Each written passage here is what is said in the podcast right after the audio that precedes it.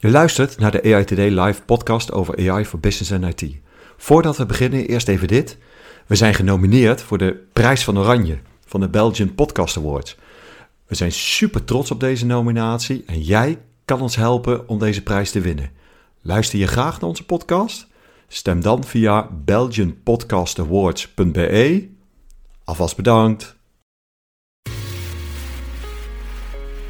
Maar dat betekent dus dat je door middel van een nieuw algoritme, artificial intelligence, ervoor zorgt dat die zoveel kunnen rekenen, dat ze uiteindelijk bij een antwoord komen waar wij mensen waarschijnlijk veel langer over hadden gedaan als we het al überhaupt hadden gevonden.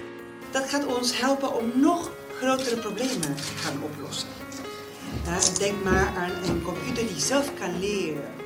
Waar ik aan denk bij kunstmatige intelligentie is ehm, dat het door de mens gecreëerd is. Dus het is door de mens bedacht. Bij kunstmatige intelligentie denk ik aan data.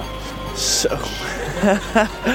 Kunstmatige intelligentie. Eerlijk gezegd weet ik niet wat het is. Hi, je luistert naar de podcast AI Today Live van InfoSupport.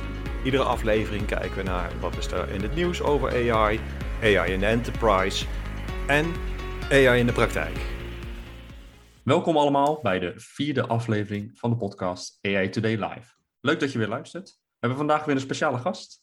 In deze aflevering hebben we het genoegen dat Oran Kuiper vanuit de Hogeschool Utrecht aansluit. Oran, uiteraard welkom bij deze podcast. Uh, voordat we verder gaan, zou je jezelf even kort willen voorstellen aan de luisteraars? Uh, ja, zeker, dankjewel. Uh, ik ben Auren Kuiper. Het ging toch niet helemaal goed, dus een erg uitdagende naam. Ja, Auren als in A-U-R-E-N. Zo schrijft iedereen het, maar het is O-U-R-E-N. Ik werk bij het lectoraat AI van de Hogeschool Utrecht. Uh, ik doe daar onderzoek naar zowel de ethische aspecten van AI, hoe die te bewaken zijn in het ontwikkelen van AI, maar ook naar de uitlegbaarheid van artificial intelligence. Dus hoe organisaties ook de modellen uit kunnen leggen, zodat niet alleen de, de ontwikkelaars het ook een beetje snappen, maar ook alle andere stakeholders. Uh, ja, ik ben Jasmara Beste, een uh, stagiair van mij. Die kan er helaas niet bij zijn. Maar die heeft een heel leuke vragenlijst uitgezet, waarbij we een beetje grip proberen te krijgen op uitlegbare AI, explainable AI, ook technieken. Welke er in het bedrijfsleven gebruikt worden in Nederland. wat voor platformen erbij horen en waar het een beetje heen gaat. Het lijkt me heel leuk om daar iets over te vertellen vandaag. Mooi. Dat gaan we, Ja, leuk, gaan we ja. daar dadelijk de diepte induiken. Precies. En eh, ja, een uitermate interessant onderwerp. We hebben in onze podcast al wat meerdere afleveringen besteed aan, eh, aan eh, Explainable AI. Dus dit is een heel mooi verlengde daarvan. Dus we zijn erg benieuwd. eh. maar dat is het eh, hoofdthema voor, eh, voor ietsje later. We beginnen zoals altijd van ja, wat is ons opgevallen over AI in het nieuws, in het algemeen. Dus laten we daar eerst eventjes naar kijken. Artificial intelligence in the news. Ja, Auren, eh, om met, eh, met jou te beginnen. eh, we hebben die vraag natuurlijk aan jou ook gesteld. Is jou iets opgevallen deze, nou ja, laten we zeggen, de afgelopen weken? Uh, ja, ja, ik heb een, een heleboel interessante dingen die ik tegenkwam. Uh, ik wou beginnen met, met eentje die me heel erg aansprak. Is dat uh, de Nachtwacht, heel bekend schilderij, is kennelijk ooit een keer bij een verhuizing. Past het niet helemaal, hebben ze een stuk van afgeknipt. Zoals dat Ja. vroeger mooi ging, eh, lekker hapsnap. Eh, en nu Ja. met behulp van generatieve AI heeft eh, het Rijksmuseum er eh, tijdelijk een soort eh, de zijkanten er weer bij hersteld. Eh, en ik had gezien hoe dat eruit zag, niet, niet live helaas. Uh, Ja. Maar überhaupt de hele generatieve uh, AI, ook met de GTP3 en ook uh, DALI, een soort visuele variant ervan, uh, moet je maar eens naar kijken. Van, volgens mij van DeepMind, nou ik ben even kwijt wie dat heeft gemaakt. Uh, maar wat er tegenwoordig kan met wat, uh, met wat GANs, met wat uh, dat generatieve netwerk, is echt wonderbaarlijk. Het is gewoon helemaal in de stijl van Rembrandt. Nou, ik zou heel erg graag vinden dat ze die missende stukken nog eens terugvinden. Dat je ook kan, kan nagaan, nou, klopt het nou een beetje wat zo'n AI ervan maakt? Ja, Zoals gaaf de hè? rest van het schilderij in moet vullen. Ja. Ja, vond ik heel, heel interessant. Ja, ja was, was zeker interessant. En je zegt, er waren er verschillende dingen opgevallen. Wat had je nog meer? Uh, ik zag ook dat de World Health Organization uh, ook een rapport had uitgebracht over AI in de zorg. Dus zo ja. uh, interessant dat heel veel organisaties, ook, ja, non-governmental, maar ook ja, eigenlijk iedereen brengt iets naar buiten over AI, wat daar nou mee moet. Eh, dit ging ook eh, veel over bias, wat volgens mij jullie vorige podcast ook over ging. Ja. Eh, wat ook steeds wel meer een thema is, dat je toch als je een dataset set alleen maar traint op eh, één soort mensen. Mhm. Ja, dat kan ook helemaal, in, als je medische voorspellingen daarmee gaat doen, kan het ook echt grote gevolgen hebben. Ja, Ik las ook dat eh, de MIT had een hele bekende dataset met gezichten. Die hadden ze toch maar neergehaald, want daar zaten ook eh, labels in die verbaasd me dat die daar überhaupt in kwamen, maar die, die eh, gewoon echt ja, slur- slurs bevatten.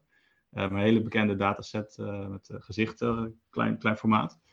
Eh, ja, dus ook als je daar dan gezichtsherkenning op traint, dan kan je ook hele, hele gekke dingen krijgen. Dus, eh, en het World, Health Organization, eh, die, ja, die richt zich ook verra- verrassend veel daarop, maar ook over ja, het, het be- beheren van, van privacygevoelige gezondheidsdata. Ja. Daar raakt het volgens mij ook vaak heel erg, ja, deze AI-discussie, toch ook een beetje aan de. zeker. Wat door de GDPR, de AVG, wordt, wordt afgedekt. Gewoon het belang van, ja, toch een soort van recht op eh, bescherming van je persoonlijke data.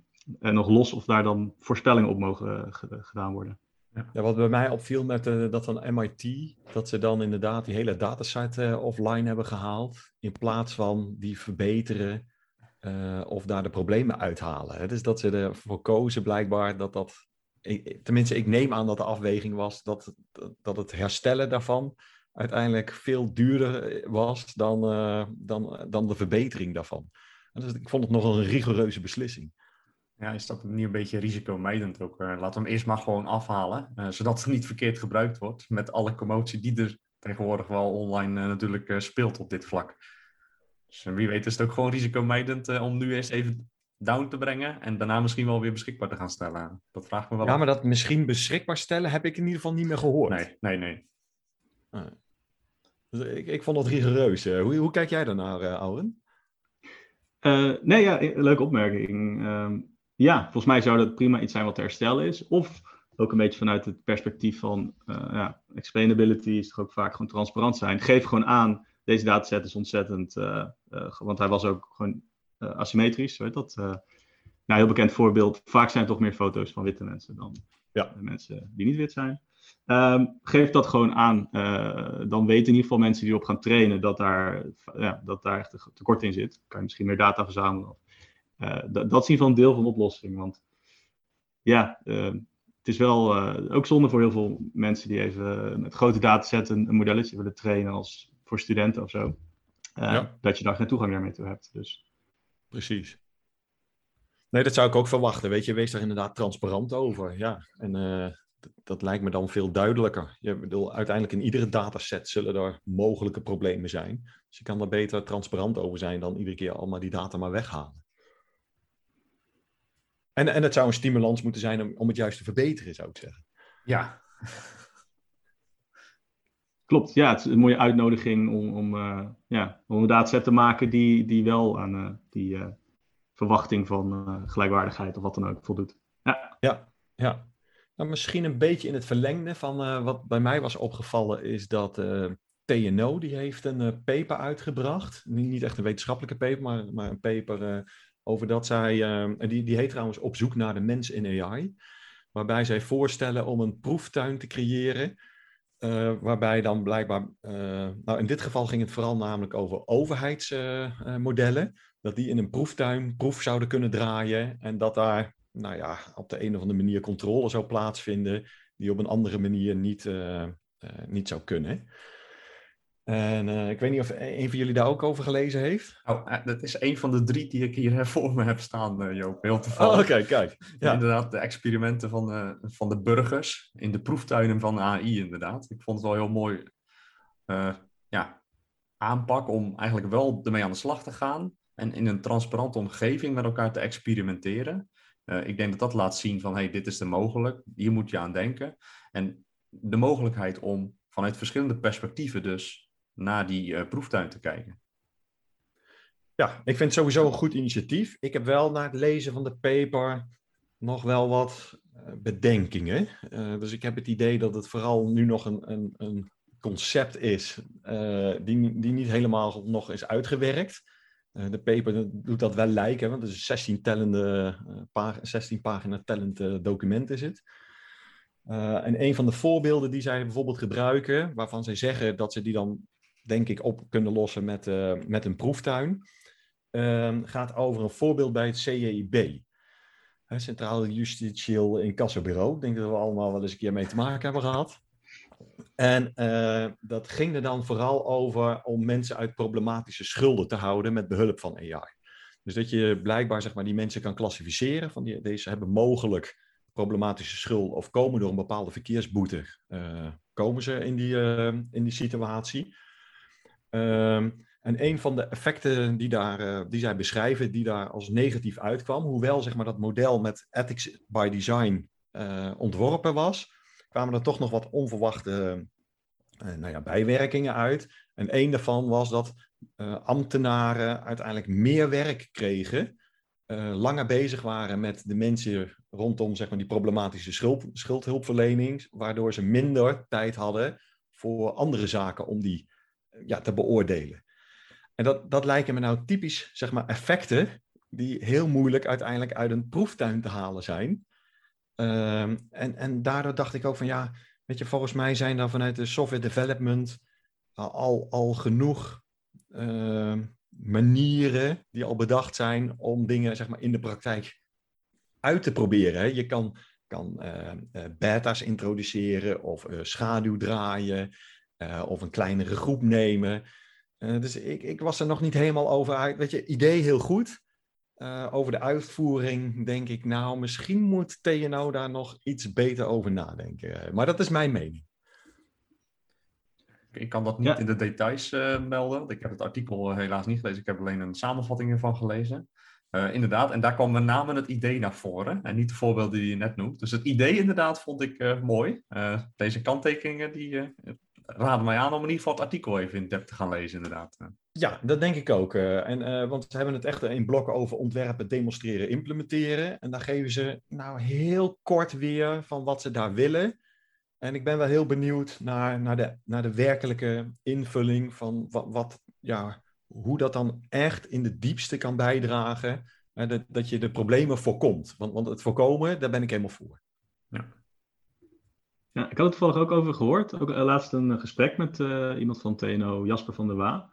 Ik weet Ja. wel dat eh, ze zei in TNO Sisterberg, waar ik ook nog even lang, lang geleden de stage heb, ge- heb gelopen. Oh. Eh, dat ze daar ook echt leuke, leuke dingen doen met eh, ook explainable AI. Volgens mij ook echt zelf daar dingen ontwikkelen. En ik hoorde ook over die proeftuin. Ik vond het wel een hele mooie aanpak om ook een keer echt ja, de interactie met de mens mee te nemen. Er wordt heel veel over Ja. geschreven. Toch uit wel vaak ook vanuit of echt ja, modelontwikkelaars, of een beetje vanuit het hele grote plaatje van oh, het is de maatschappij of zo. Eh, maar ja, er zullen vast wel, hopelijk kunnen ze wat vraagstukken vinden die echt goed eh, ja, in te zetten zijn in die proeftuin. Ik vind het zelf interessant, ja, hoe leg je nou, nou heel zo'n bekend voorbeeld is, je, rekening wordt afgewezen door een eh, voorspellend algoritme. Eh, of je, je lening, sorry. Ehm, ja, hoe kan je nou iemand uitleggen die ja, misschien niet zo'n hoge opleiding zo heeft, die echt niks weet van, van modellen. Hoe kan je die uitleggen dat op een automatisch proces zijn, zijn lening is, is afgewezen? Ik denk dat dat uitvinden ook echt alleen maar kan door nou, het met proefpersonen misschien te doen. Eh, maar dat zeg maar, ja, dat is maar één, één aspectje van. eh, Ja, nee, en, en op dat gebied, hè, dat je op die manier onderzoek doet en dat soort dingen, daar, ben ik, dat, daar geloof ik ook helemaal in. Ben ik helemaal met je eens, ja. En dat, ze- dat je daar dan eh, je eigen tool- tooling ontwikkelt, is alleen maar mooi. Ik, ik, eh, ik had ook nog eentje in het nieuws. Eigenlijk eh, eentje die heel recentelijk eh, even voorbij kwam. Ik dacht van, nou, die wil ik toch wel even noemen. Is eh, de co-pilot van GitHub. Ik weet niet of jullie hem al voorbij hebben zien komen. Nee? Ja. Nee? Oh, ik heb net even zitten kijken inderdaad. Ik heb de preview nog niet geïnstalleerd, maar eh, ik ga er zeker mee aan de slag. Is, eh, die gaan dus eigenlijk, ehm, ja, eigenlijk ga je peer review en peer, peer coding en peer programming doen met AI. Dus de AI-programmer die denkt met je mee, terwijl je functies aan het schrijven bent in misschien voor jou eh, je, je bekende taal of misschien net een andere taal waar je nog een beetje in moet leren. En die gaat je eigenlijk aanvullen. En zo erg dat hij Oh. zelfs bepaalde functies ook gewoon volledig voor je gaat invullen. Dus terwijl je aan het developen bent, krijg je een soort van IntelliSense. Alleen dan niet eh, even woorden en entiteiten die die voor je aanvult, maar gewoon hele klasses, eh, hele stukken code, hele functies die die gewoon voor je eh, ja, neerzet en waar je weer op verder kan borduren. En ja, het zag er wel indrukwekkend uit in de preview. dus Zeker iets om in de gaten te houden om te kijken hoe kunnen we daar de efficiëntie verhogen. Maar ook daar, ik heb daar nog niet iets gezien van hoe gaan we nou inderdaad feedback krijgen wat goed is en hoe geef je dat weer terug aan het model. Daar, daar heb ik nog niet over kunnen vinden hoe je dat weer gaat, gaat doen in deze situatie. Maar ik ben er wel heel erg benieuwd naar. Ja, leuk. Ja, het, grappige is, een, uh, een van onze studenten in het uh, Research Center AI heeft dit een aantal jaar geleden gedaan met unit testen. Hè? Ja. Ik bedoel, unit testen zijn natuurlijk echt van die dingen die uh, ja, vervelend schrijven. Ik bedoel, het moet, hè? Het, het, levert heel veel op en het draagt heel veel bij. Um, maar niet iedere developer heeft daar even veel zin in. waarbij wij ook zeiden van ja, het, ook een soort van co-pilot-achtig idee van de unit test wordt met je meegeschreven terwijl je aan het coderen bent. Fantastisch, ja. toch? Ja, ja een leuke... Heel fijn voor uh, studenten van me ook. Die, oh, ja, uh, die hier dit zouden kunnen inzetten om uh, eindelijk gewoon een keer helemaal net een stukje te coderen. Ja, ik, ik had wel opgeschreven ook, ja, dus straks gaat iedereen op dezelfde manier denken. En, en zeg maar, soms is het ook wel mooi om te zien dat de student een hele gekke oplossing bedenkt. Helemaal bij, ja. als ja, dit net voor AI gaan inzetten. Ik hoop dat het niet leidt tot een soort tunnelvisie van dit is hoe het hoort. maar goed goede kanttekening, want uh, dat is misschien niet hoe het hoort, dus hoe hij het aangeeft inderdaad. Het is inderdaad een, uh, het advies, maar ja, eigenlijk misschien nog niet eens een advies, maar meer een idee, maar wel een goede kanttekening die hij aangeeft inderdaad, ja. Nou, en ik denk dat dat gevaar er wel is, hè? want uiteindelijk zie je dat denk ik nu ook bij uh, het Stack Overflow coderen.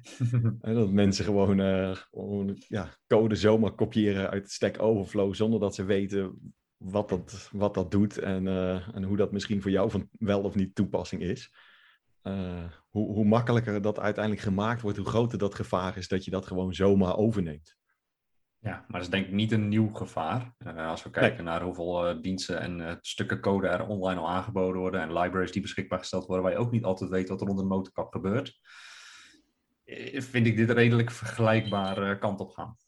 Ja, ja ook het inzetten van, ja, misschien, kunnen we het daar zo over hebben, van explainable AI eh, technieken of libraries. Dat is allemaal uh, stukken makkelijker. Ik had daar met collega over. Ja, ook wat ik tegen collega's zeg, is prima om dingen te gebruiken zonder het uh, zelf te hebben gebouwd. uiteraard. Maar je moet het wel een beetje snappen. Anders wordt het wel. Zeker weten. Ik denk, ik denk een mooi brugje om de stap te maken naar het hoofdthema van deze aflevering. Artificial intelligence in the enterprise. Ja, Auren, uh, jullie hebben natuurlijk een onderzoek gedaan naar uh, Explainable AI. Zou je in het uh, kort kunnen vertellen wat dat onderzoek inhoudt? ja, zeker. Jasmara Beste is een stagiair bij het lectoraat AI, waar ik werk. Ehm, daar heb ik samen, hebben we samen een onderzoek mee opgezet, waarin we eigenlijk in kaart wilden brengen. Nou, je leest best wel wat en je hoort ook wat over Explainable AI en bepaalde technieken en platformen die daar handig voor kunnen zijn. Um, maar nou, voor ons, volgens mij weinig eh, bronnen geven aan, ja, wat wordt er nou echt gebruikt? Uh, waar is behoefte aan? Waar gaat het een beetje heen? Is het een vraag vanuit uh, de business dat mensen meer explainability willen? Of zijn het gewoon de modelbouwers die, die meer um, uh, uitleg willen om hun modellen te verbeteren? Um, dus mij heeft Jasmara een vragenlijst uitgezet. die is verspreid bij wat verschillende partijen. Onder andere hoe ik in contact kwam met InfoSupport. Dus ja. dat is al een, een, een grote win. Um, we zijn nog een beetje bezig met data verzamelen. Ik hoop nog wel wat meer. We hebben nu iets van, van 30 responses van uh, data scientists van allerlei verschillende organisaties. Uh, ook werkzaam in allerlei eh, sectoren. Vooral healthcare, uh, healthcare en finance kwam vaak terug. En ook algemeen IT. Ja, um, ja en allemaal een beetje de, de resultaten. De, ze gebruiken allerlei... Nou, we vragen een beetje naar wat, wat voor machine learning modellen gebruiken jullie nu. Nou, dat was echt van neurale netwerken tot regressies. Ja. Um, en dan een interessante vraag, ja, wat voor explainable AI-technieken uh, worden er gebruikt door, door jullie in jullie werkzaamheden? Uh, en eigenlijk ook wat Jasmar in haar uh, literatuurstudie vond. Nou, er worden er een hoop genoemd waar we ook naar vragen. de bekendste zijn Shep, Lime, het al Anchors, Chirps, Dalex is er ook eentje. en dan heb je nog wat, wat, wat grotere libraries met verschillende dingen. maar net als eigenlijk in de literatuur viel ons op het gros van de mensen gebruikt uh, Shep en offline. Ja. Uh, en dan vaak wel in combinatie met iets anders. Uh, maar echt het, van de mensen die het gebruikten, gebruikt volgens mij 75% een van die twee. wat een interessante vondst is. Ik wist wel dat het vrij dominant was. Eigenlijk die, die twee, Shep en Lime. maar dat zijn echt de twee ja, go-to eh, explainability tools. Dat is ook wat we zagen, ik heb met Marten van den Berg, collega van me, hebben ook ehm, vanuit een project samen met banken en toezichthouders daar ook een beetje in kaart gebracht hoe explainability in de financiële sector belangrijk is. Ook met modelontwikkelaars gesproken. heel, heel nuttig onderzoek, wat hopelijk ook binnenkort gepubliceerd wordt. Het is nu intern gepubliceerd. maar daar kwam ook uit ja, wat gebruiken jullie nu? En dan was het antwoord heel vaak Shep. Dus dat is wel leuk om te zien. Dat, dat heeft echt de plek veroverd. Voor zover ik kan zien van de go-to ja, tool library om, om even je model verklaarbaar te maken. Het is ook lekker, ja, ja je kan het op ieder model toepassen. Dus, ja, wat is dat denk je de reden waarom het zo, zeg maar, zo groot is in gebruik? Ja, ik denk dat, uh, dat dat een grote reden is. Het is ook wel echt, het heeft een soort uh, sterke, het is ook letterlijk antwoord wat iemand me gaf van waarom gebruik je dit. Ja, het heeft een soort sterke basis in Shapley values, waar het op gebaseerd is, die bestaan al heel lang. Ja. en dit is dan ja, een implementatie ervan die eigenlijk een benadering is, want het echt helemaal uit te werken, rekenen, Shapley values, is computationeel meestal niet haalbaar. Um, ik had ook een, nou, gelijk wat de diepte duik met uh, Rianne van Os, ook een collega van me bij het lectoraat. Die was ook een beetje in techniek gedoken. Uh, en het viel eigenlijk op dat toch wel, volgens mij veel mensen zich niet bewust zijn van de assumpties die uiteindelijk achter zo'n zo'n tool als Shep, die er zitten. Zoals dat het dus toch een soort benadering is. Het gebruikt ook een soort kernel, dat je toch een beetje ja, van punten in de buurt, net de Lime, kijkt wat het effect is als je een feature wat verschuift. Um, zou, zou, je dat, zou, je dat, iets kunnen oh. uitleggen voor de, voor de luisteraar? Van, van, van, want wordt inderdaad, dat wordt vaak niet gezien, hè, van dat het eigenlijk meer een benaderingskwestie is dan, dan echt pinpointen. Het, het, het, lijkt zo alsof hij echt weergeeft van nou, hier, op basis hiervan is het. Maar het is eigenlijk meer een, een berekening. En die berekening kan natuurlijk die kan net niet helemaal goed uitvallen. Zou je kunnen, kunnen uitleggen hoe die dat doet? Hoe Shep dat, uh, hoe, hoe Shep tot zijn uh, antwoord komt? Daar kan ik een poging toe, toe wagen. Ik ben daar ook geen, eh, geen expert in, helaas. Uh, nog iets waar ik wel in wil, wil duiken. Maar, en misschien is Rianne een, een, leuke gast voor de volgende keer. Die is sterk onderlegd. ja. Wat Shep in ieder geval als output geeft, is per feature van nou, dit is de, ja, de, de soort van de invloed op de uitkomst. Bijvoorbeeld je, je geslacht was van zoveel punten effect op de uitkomst en je postcode van zoveel punten misschien de andere kant op. Um, en dat doet het door middel van eigenlijk te kijken naar, nou, um, je gaat uit van een soort puntenwolk van alle data die je wel hebt. En wat als je één feature nou een beetje verschuift, dus je verandert alleen maar je postcode, maar je laat alle andere dingen gelijk. wat doet dat dan met de uitkomst? En op basis van nog een bepaalde heuristiek logica die ik ook niet helemaal scherp heb. Maar het kijkt in ieder geval niet naar, zoals Shapley values, naar alle mogelijke combinaties. Dat wil wat Shapley values eigenlijk, een soort van de, de, wiskundige theorie, die wil, wil dat, maar dat is niet haalbaar. Dus ze gebruiken een, kernel, iets van een soort, nou, een, soort van vergroot, een selectie maniertje om te zeggen, nou, voor de omliggende punten, als ik het goed begrijp, kijken we wat, wat het verschil van verschuiving die features is naar het effect. En dat maakt het haalbaar qua berekeningen. Um, maar wat ik, waar ja, machine learning me altijd aan doet denken, is toch ook een soort van vaak mijn, mijn college statistiek die ik had, heb gehad.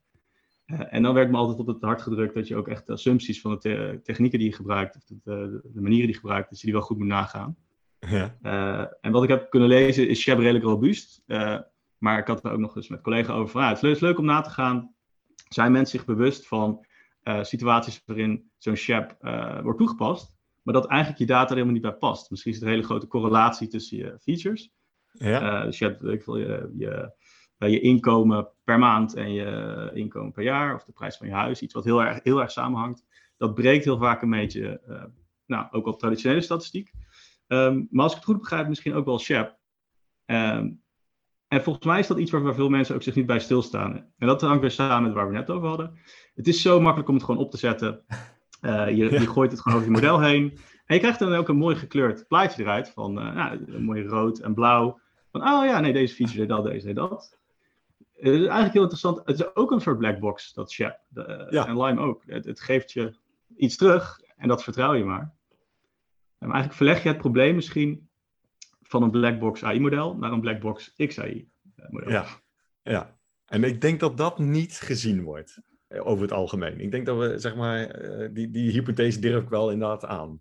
Ja, ik denk Ja. dat dat nog iets is wat moet gaan groeien in de praktijk. Dat we dat ook challengen met elkaar van, klopt dit wel? Eh, anders hebben we meer eh, dadelijk weer de confirmation bias. Van ja, dat is eigenlijk ook wat ik ongeveer had verwacht dat eruit zou komen. Nou, dat zal wel goed zijn. Laten we hierop verder gaan. Ja, ik Ja, zie dat wel zeker. een beetje de parallel met. Ja, ik heb deze discussie wel wel afgelopen jaar, dat ik bij lectoraat werk, wel vaak gevoerd. Ehm, uiteindelijk, ja, ik zeg het voorbeeld van een auto. Ik weet ook niet precies hoe een verbrandingsmotor werkt of een straalvliegtuig, eh, motor, hoe een vliegtuig werkt. Maar ik vertrouw dat helemaal. En ik denk de meeste consumenten met mij. Eh, Ja. En dat is omdat er toch heel veel instanties zijn die wel weten hoe het werkt.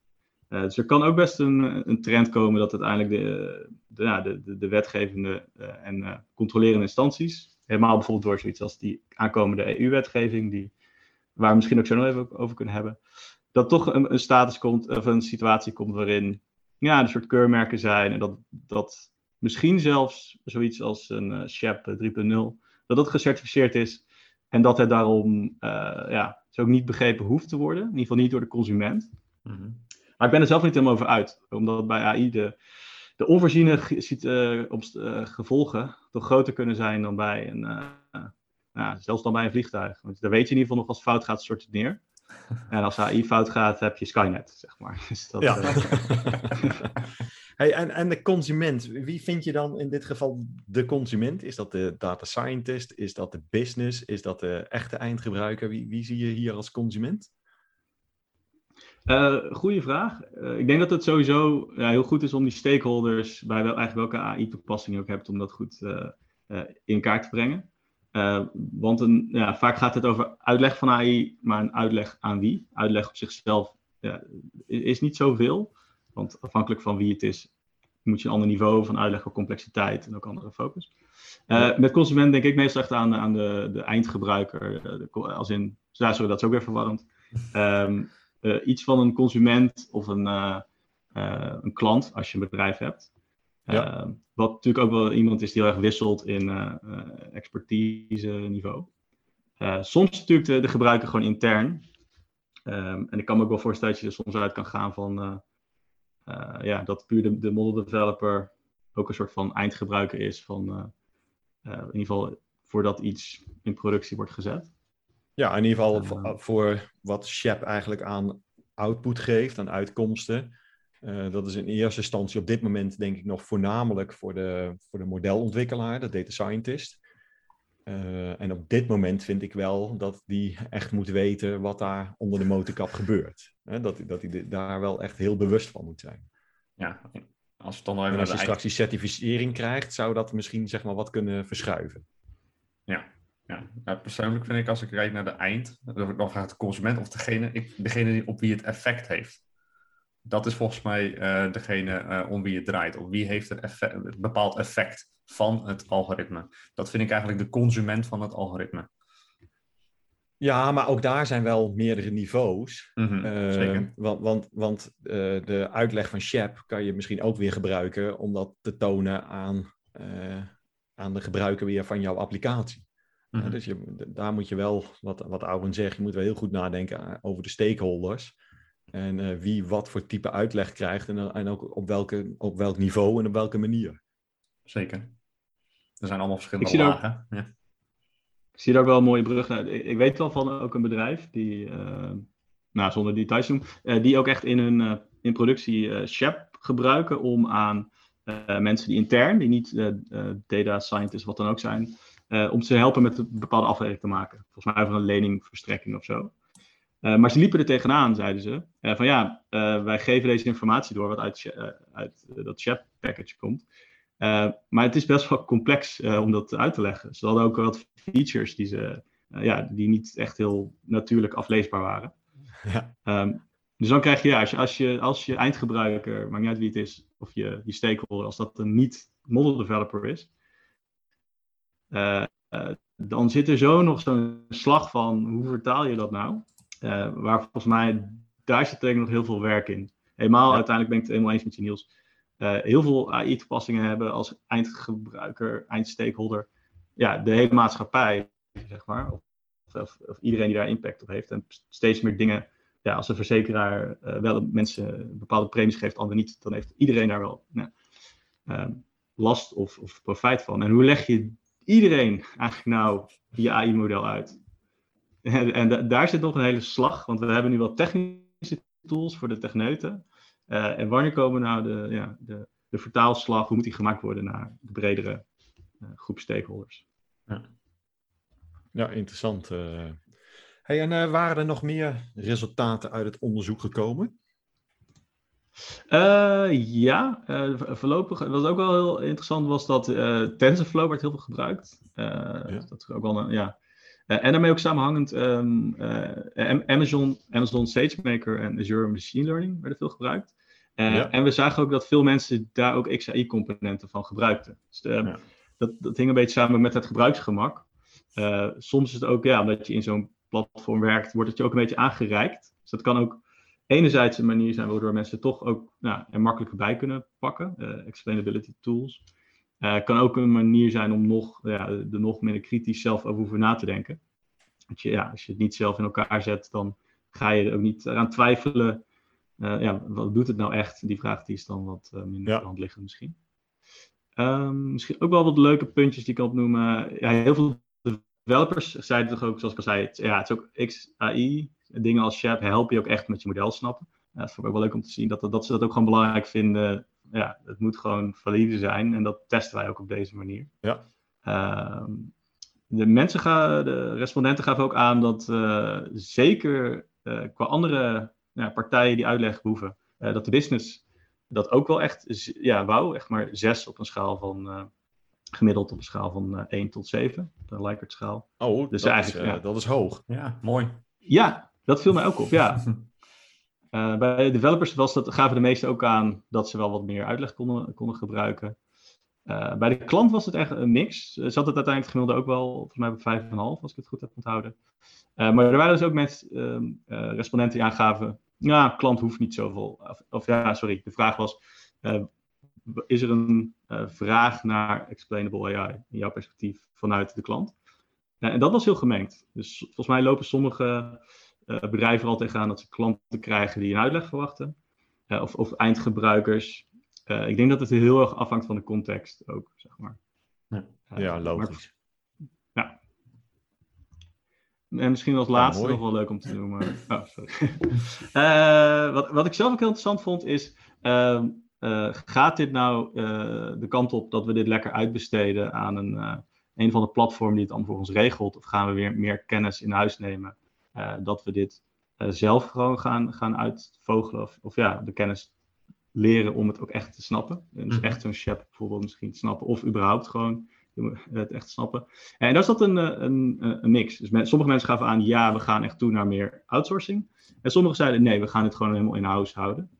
En ja, helaas kan ik niet meer, uh, ook vanuit privacy redenen, niet terugzien welke bedrijven dat nou wat uh, ja. waren. Maar uh, even door de oogharen gezien, van de data die we nu hadden, leek dat de grote bedrijven, begrijpelijkerwijs, dus mensen die bij bedrijven van meer dan 250 mensen werkten, die zeiden waarschijnlijk gaan we meer outsourcen. De kleinere partijen, waarvan ik vermoed dat het uh, ja, kleinere uh, clubjes van die data science-achtige bedrijven, die zeiden nee, wij gaan het juist op ons nemen. Ja. Dus dat vond ik wel een hele leuke voorlopige uitkomst. Cool. Ja, zeker. Ja, want we moeten er inderdaad wel bij zeggen, hè, want het zijn allemaal nog voorlopige uitkomsten. Het onderzoek loopt nog, hè? Ja. Dat is misschien voor de luisteraar misschien nog wel uh, dat we dat even extra duidelijk maken. Het zijn voorlopige resultaten. Maar ja, eh, heel interessant moet ik zeggen. Interessante uh, uitkomsten. Uh, zullen we eens kijken van wat zou dat betekenen in de praktijk? Real world examples of artificial intelligence. Ja, dus we hebben heel mooi uh, nou gehoord over jouw onderzoek, uh, Auren, en uh, voorlopige resultaten. Uh, inderdaad, de brug naar de praktijk van ja, wat, wat zouden we nou mee kunnen nemen? misschien als advies of, ehm, of wat, wat zou jouw advies zijn voor, voor naar, naar een gemiddeld bedrijf die met, met AI bezig is op basis van de resultaten van dit onderzoek? Uh, ik, ik, denk, ik vind het heel fijn om te zien dat uh, we hadden weinig respondenten die zeiden: Ik gebruik uh, machine learning iedere dag. Of ik gebruik machine learning, maar ik gebruik niks van explainable AI. Dus dat vind ik een fijne trend, dus dat mensen proberen hun modellen echt beter te begrijpen, voorspellingen. Um, ja, advies zou we, eigenlijk waar we het ook net al over hadden, uh, kijk uit met het gewoon blind gebruiken van, van de bestaande libraries, packages. Van, oh, dit wordt veel gebruikt, dus dan past het vast ook wel op mijn algoritme, mijn dataset. want ja, dat, dat, is een vrij lastige kwestie, maar volgens mij zou je in een situatie kunnen komen waarbij het toch niet zo goed past. Um, Hoe zou je daarachter ja, kunnen komen? Wie, wie, waar begin je dan om, om dat te onderzoeken? Uh, goeie vraag. daar ben ik zelf ook nog niet helemaal over uit. Ik was ook nog vanochtend een beetje de documentatie van Shep en Shep, Shapley Values aan het doorlezen om die assumpties die erachter zitten nou een beetje in kaart te brengen. Volgens mij gaan we vanuit lectoraat hier denk ik ook nog mee aan de slag. We willen ook Um, eigenlijk toewerken naar, nou, bij de HBO. Ik kom van de universiteit, niet gedaan, maar bij het HBO willen we volgens mij heel graag ook handvaten bieden aan het bedrijfsleven. Dus hopelijk hebben we over een jaar gewoon een soort van lijst met, uh, hey, dit zijn aspecten waar je moet letten als je XAI toepast. Ja. ja. Dus dat, uh, dat zou heel mooi zijn, want het is voor ons ook nog uitvinden. Maar ik denk dat hier gewoon wel heldere adviezen over te geven zijn. Gewoon kijk uit voor sterke correlatie in je, in je features of zo. Dat kan misschien effect hebben op deze manier. Uh, alleen al dat soort tips, dat zou handig zijn. Want het is nu nog, denk ik, voor veel ook een beetje uitzoeken.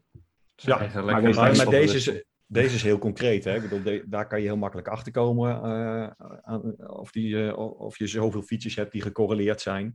En dat zou wel eigenlijk een, een in ieder geval een vlaggetje kunnen, kunnen zijn van hey, kijk eens even goed van zit je, zit je wel goed. En uh, ik denk precies wat jij zegt, van het is ook nog vrij, ja, nou, onvolwassen wil ik, ja, nou ja, in, laat ik het zo noemen, weet je. De, de, het vakgebied uh, eh, XAI is nog vrij onvolwassen, dus we moeten dat eigenlijk allemaal nog ontdekken met elkaar. Van uh, hoe gaan we het gebruiken, hoe zet je het goed in, uh, wat zijn wel de mogelijkheden, wat zijn de onmogelijkheden. En ik denk dat dat de aankomende, uh, echt op korte termijn, wat jij zegt, een jaar, twee jaar, gaat er heel veel ontwikkeling plaatsvinden. Ja, dus, dus eigenlijk hebben we het hier gewoon over een explainer van de explainer. en dat we dus moeten weten van wat zijn nou die randvoorwaarden om deze explainer te gebruiken. En dat dat ook nog eens verklaard gaat worden. Ja, als je maar ja. weer niet het probleem verder verlegt. Hè? Ik bedoel, zo komen we steeds verder, uh, verder af van waar het om ging. Nee, maar dan komen we nou, ik, wel, terug. ik heb wel een, ja. mooie, een mooie paper gelezen. Ik ben even de naam kwijt uh, van diegene. Maar ook daar kunnen we weer eens een uh, linkje opnemen hè, in, on, uh, ja. in, de beschrijving van de podcast. Mooie paper van als het over hoog risico modellen gaat. Dat eigenlijk je keuze misschien eerst maar eens moet vallen op interpreteerbare modellen. En dat je daarnaar kijkt, dat je ook gaat kijken van wat kan ik daar uithalen met feature engineering, aan je data. Dat je, dat je eigenlijk daar alles op alles zet. Ja. Uh, om eerst maar het, het interpreteerbaar model uh, goed te krijgen. En de kans dat dat lukt is vrij hoog. Uh, voordat je overstapt naar allerlei blackbox modellen. Ja. en, en dat zou je wel in overweging moeten nemen. En ik geloof ook wel in dat soort, dat we dat soort checklisten ook veel meer gaan krijgen. Hè? Van dat je na gaat denken over van ja, wat is het doel, waar wil je naartoe? waar we het er straks al over hebben, hè, van wat is je doelgroep, uh, wat heb je dan nodig.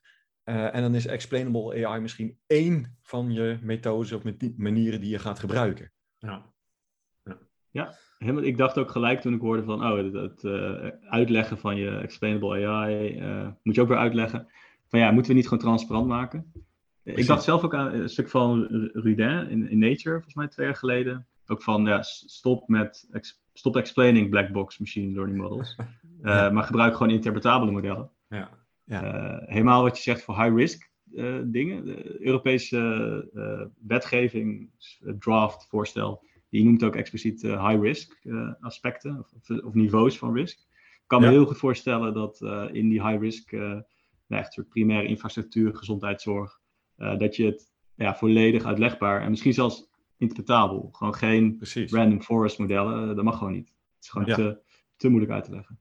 En in ieder geval dat je dat gewoon echt primair in overweging neemt. dat, dat, dat, we niet te snel gewoon denken van, oh ja, weet je, hup, we klappen er een uh, neuraal netwerk tegenaan, want uh, uh, dan ben ik af van die feature engineering, weet je, lekker makkelijk. Ja, uh, misschien voor even in het begin die ontwikkeling, maar dat is maar zo'n klein stukje uiteindelijk van uh, waar je mee bezig bent. Ja. Uh, maar dat je heel goed nadenkt. bij de klanten waar ik kom, geef ik ook altijd het advies van, ja, kijk eerst zelfs of je het gewoon regelgebaseerd op, op kan lossen. Hè? Want ja. is het überhaupt wel een AI of machine learning probleem? Laten we daar eens mee beginnen. Weet je, dat als het dat niet is, en je, en je komt gewoon weg met, uh, met wat, of wat, maar dat je e-, echt met regels en met if-then-else statements, uh, gewoon, gewoon business rules, weet je, uiteindelijk is dat duidelijker en makkelijker en eenvoudiger dan welk model dan ook. Ja, ja, helemaal mee eens. Het is volgens mij nog drie jaar geleden zei iedereen, ah, we willen iets met data doen. En nu zit volgens mij, we willen iets met AI doen. Ja. En vaak zonder de gedachte van, ja, past ons probleem, ons data wel bij, uh, ja, bij ja. zoiets. Ja. Hopelijk, hopelijk stappen we dan niet erover van dat stukje data hebben we achter ons gelaten. We gaan met AI aan de slag. Hopelijk doen ze dat datastukje echt nog wel eerst en gaan ze daarmee aan de slag voordat ze met AI aan de slag gaan. Want anders hebben we daar ook weer een leuke uitdaging te pakken. Komt er echt de data engineer naar boven, hè Niels? Ja, nee, dan komt de passie van data weer omhoog. Ja. En, uh, dat moet eerst goed zijn. En uh, dan moeten we ook weten wat erin staat en wat niet. Dus uh, dan, dan, dan, begint gelijk te kriebelen inderdaad. dat is goed gezien, Joop. Ja. Heb je nog meer van dit soort praktijken, anekdotes, Auren? praktijkanekdotes over...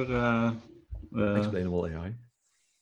Ehm, ja, misschien wat hier aan, aan, bij aansluit is ook dat... Um, um, ik het idee heb, bijvoorbeeld ook in de financiële sector, dat um, mensen heel erg, of men, uh, uh, financiële instellingen of ook verzekeraars, zijn best wel afwachtend, want ze willen echt niet een uh, toezichthouder tegen het zere been schoppen. Mm-hmm. En ook wel heel terecht. Um, andersom heeft volgens mij die, die toezichthouder vaak nog niet helemaal een uitgekristalliseerd beeld van wat wel en niet mag.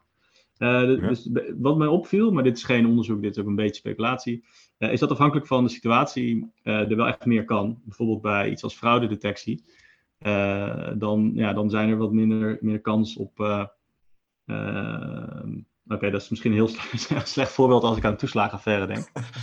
ik weet wel dat bij, bij het detecteren van witwassen, dat ze daar banken volgens mij iets meer in ieder geval uitproberen. Met het idee van ja, als het gewoon echt beter lijkt te werken. En we gaan niet per ongeluk, dat is wel heel belangrijk. Daar zijn volgens mij iedereen wel bewust van verkeerde mensen, eh, onschuldige mensen aanmerken, uh, dan kan daar wat meer. Terwijl het geven van een lening bijvoorbeeld wordt heel vaak gebruikt als voorbeeld uh, bij allerlei gewoon machine learning online blogpost voorbeelden. maar dat is ja. voor een heel groot deel ook gewoon dicht, dichtgetimmerd door de, de leennorm bijvoorbeeld. Ja, dus afhankelijk ook weer hangt heel erg samen met in die zin hoop ik dat die EU-wetgeving wat concreter wordt van wat is nou high risk, wat is low risk. Dan geef je bedrijven ook wat meer ruimte van oh in dit gebied uh, ja, kunnen we misschien wat meer. Volgens mij is er nog heel veel afstemming nodig met de toezichthouder. Een beetje wat je nu ziet, volgens mij met de AVG. Dat wordt nu een beetje duidelijk wat de verwachtingen zijn. Ja. Terwijl die wet ligt er al jaren. Ja. Ik denk dat het ook zo met de EU-wetgeving, uh, die ja, over één of ja, twee jaar waarschijnlijk eraan komt. Ja. Die is eerst we ook waarschijnlijk ook wat, uh, we hebben waarschijnlijk ook wat precedentwerking nodig. Hè? Van dat er gewoon gevallen in de media komen van ja, uh, dit, kan, dit kan niet. Hè? Waar, waarbij wij, wij, ja. iets concretere kaders worden wordt geschapen. Waarschijnlijk zijn het ook de, de grote partijen die, die even als voorbeeldfunctie zullen dienen. Ja, uh, ja ook, ook wel maatschappelijk uh, terecht uh, ja, volgorde. Want er blijven denk ik al processen dat zijn, voordat de wet helemaal duidelijk is en ook de toezicht erop duidelijk is rondom AI en de verwachtingen, dat, dat gaat allemaal nog wel even duren. Ik, ik verwacht wel dat het een grote impact gaat hebben, die EU-wetgeving. ja, dat denk ik ook. Waarbij ik me wel afvraag, hè, van juist, juist denk ik dat er heel veel parallellen zijn met die AVG-wetgeving dat ik dan benieuwd ben van welke toezichthouder dan hiernaar gaat kijken. En als dat de autoriteit persoonsgegevens is, dan ben ik wel bang uh, op, de, ja, op dat toezicht. Want volgens mij geven die iedere keer aan dat ze nu al overlopen en overstromen. En als daar zo'n zo'n nieuwe bulk bovenop komt, dan ben ik toch heel, heel erg benieuwd hoe ze dat gaan doen. Uh. Ja, dat is nog ja, die nu al vier keer die nodig is. Ja. ja. Ja, ja dat, ook, dat merkten we ook wel. Dat ook voor heel veel. Uh, die, ja, uh, de, de, ontwikkelingen gaan zo snel. Dat, dat het is ook echt lastig voor alle partijen om het soms bij te houden. Zeker ook volgens mij voor toezichthouders. ja, en als de AP al veel, veel te weinig geeft. Volgens mij zijn er geluiden wel op aan het gaan dat Europese landen gewoon een, echt een dedicated AI toezichthouder zou moeten krijgen. Ik weet niet hoe, hoe concreet dat idee is. ja, dat klinkt in mijn oren wel gepast. Dan kan je ook meer die kennis misschien wat ja, op orde krijgen, wat uh, centraliseren. Nou ja, ja, Joop, volgens mij staat het een punt aan waar je een tijd terug nog een artikel over had geschreven. over inderdaad dat er best wel wat in de overheid ook moet veranderen om uh, op dit vlak. Uh, dus volgens mij was het een minister van uh, Digitale Zaken, waar je het over had geschreven. Minister van Digitale Zaken en vooral eigenlijk inderdaad ook een, uh, een plek, hè, alle de uh, medicijnen, dat je een LAREP hebt, waarbij je ja. aan kan gaan geven van ja, we, we, hebben ongewenste resultaten, ongewenste bijwerkingen uiteindelijk van een bepaald publiek model. Ja, ja. ja want ja. de, de keerste mensen hebben terecht dat het ook wel over de, de risico's van, van AI. maar ik heb het idee dat veel uh, bedrijven zich ook wel een beetje geremd voelen om, om echt uh, van alles te doen. Uh, dus het is ook echt goed voor nou, het bedrijfsleven als er gewoon duidelijk wat wel en wat niet mag, als het duidelijk Precies. is. Dan kan je ook lekker aan de slag gaan met dat soort modellen. Dus ik hoop ja. dat, dat dat er ook komt snel. Ja, daar ga ik vanuit dat moet. Weet je, de, als, we, als we vooruit willen, hebben we dat gewoon nodig. Ja, zeker. Ja. Hey, uh, Auren, uh, dankjewel. Ik denk dat we heel veel wijzer zijn geworden uh, weer over het thema explainable AI. En zeker, ja, wat ik echt mooi vind, weet je, je hebt gewoon in de praktijk getoetst van hoe wordt het gebruikt, wie gebruikt wat, waar, waar lopen mensen tegenaan, wat, zijn de voordelen ervan. Dus ik denk dat dat een heel mooi overzicht geeft. dank je wel daarvoor. Graag gedaan. Ja, heel leuk om, om mee te doen, jullie van gedachten te wisselen. Dus, Wordt vervolgd hopelijk. Ja, ik, ik had nog ja, een, klein vraag, een klein vraagje aan jou, Auden. Uh, hoe lang staat het onderzoek nog open? Uh, goeie vraag. Ik denk zeker nog wel uh, een paar maanden op zijn. Nou, ja, als ik heel eerlijk ben als, als onderzoeker, voel ik me wel een beetje. Uh, hoe dat? In een lastig pakket. Want mm. als ik nog mensen mee laat doen, dan, dan beïnvloedt dat misschien een beetje resultaten. maar ik wou zeker echt pas in de zomer het afsluiten in de zomer afsluiten. Dus als we luisteraars hebben, uh, dan, dan zouden die uh, nog eventueel uh, online kunnen gaan om die in te vullen. ja, zeker. Ja, je kan mij ook een mailtje sturen het, op auren.kuiper.hu.nl of me via LinkedIn benaderen. de, zelfs de korte URL is toch wat, kort, wat lang om, die te delen. Ja. maar heel leuk. Dus als je iets met AI-modellen doet, ja, neem contact op. En als je wil, wij kunnen ook in de beschrijving van de, van de podcast kunnen wij het linkje opnemen naar je survey. Ja. Als dat kan, zou dat uh, helemaal fantastisch zijn. Ja, tuurlijk. Ja. Dan, uh, dan doen we dat. Hierbij, uh, hierbij besloten. nee, en we blijven vanuit lectoraat zeker. er wordt nu ook zelfs gewerkt aan een ja, onderzoekslijn XAI. Zodat we ook iets meer uit gaan werken. na de zomer hebben we dan een, een document waarin ook onze richting wat meer staat. Uh, want ja, we, we, zien ook wel in, dit is uh, iets dat is, uh, het is ook een beetje de laatste paar jaar een buzzword, maar dit blijft. Want bijvoorbeeld Europese wetgeving, maar ook vanuit andere kanalen, zeg maar de CEO van Instagram had laatst ook een post gemaakt van, oh zo werkt ons algoritme. Er is zoveel vraag naar, uit, leg het nou eens uit, ja. op alle niveaus. Dus dat blijft wel. Daar ben ik ook heilig van overtuigd. Hey, dankjewel. En uh, nou ja, we maken heel graag een keer een vervolgafspraak over als het onderzoek is afgerond. Hè, dat we eens ja. kunnen kijken naar de definitieve resultaten. Uh, daar hadden Zeker. we het al, al stiekem een beetje over gehad, hè, van, uh, dat we dat gaan doen. Dus nou ja, hopelijk, hopelijk in die zin tot snel. En dankjewel dat je mee wilde doen aan de podcast. Ja, graag gedaan. Ik wens jullie een hele fijne dag verder. Top. Hetzelfde. Jij ook. hoi hoi. Yes. Doei Niels, Joop.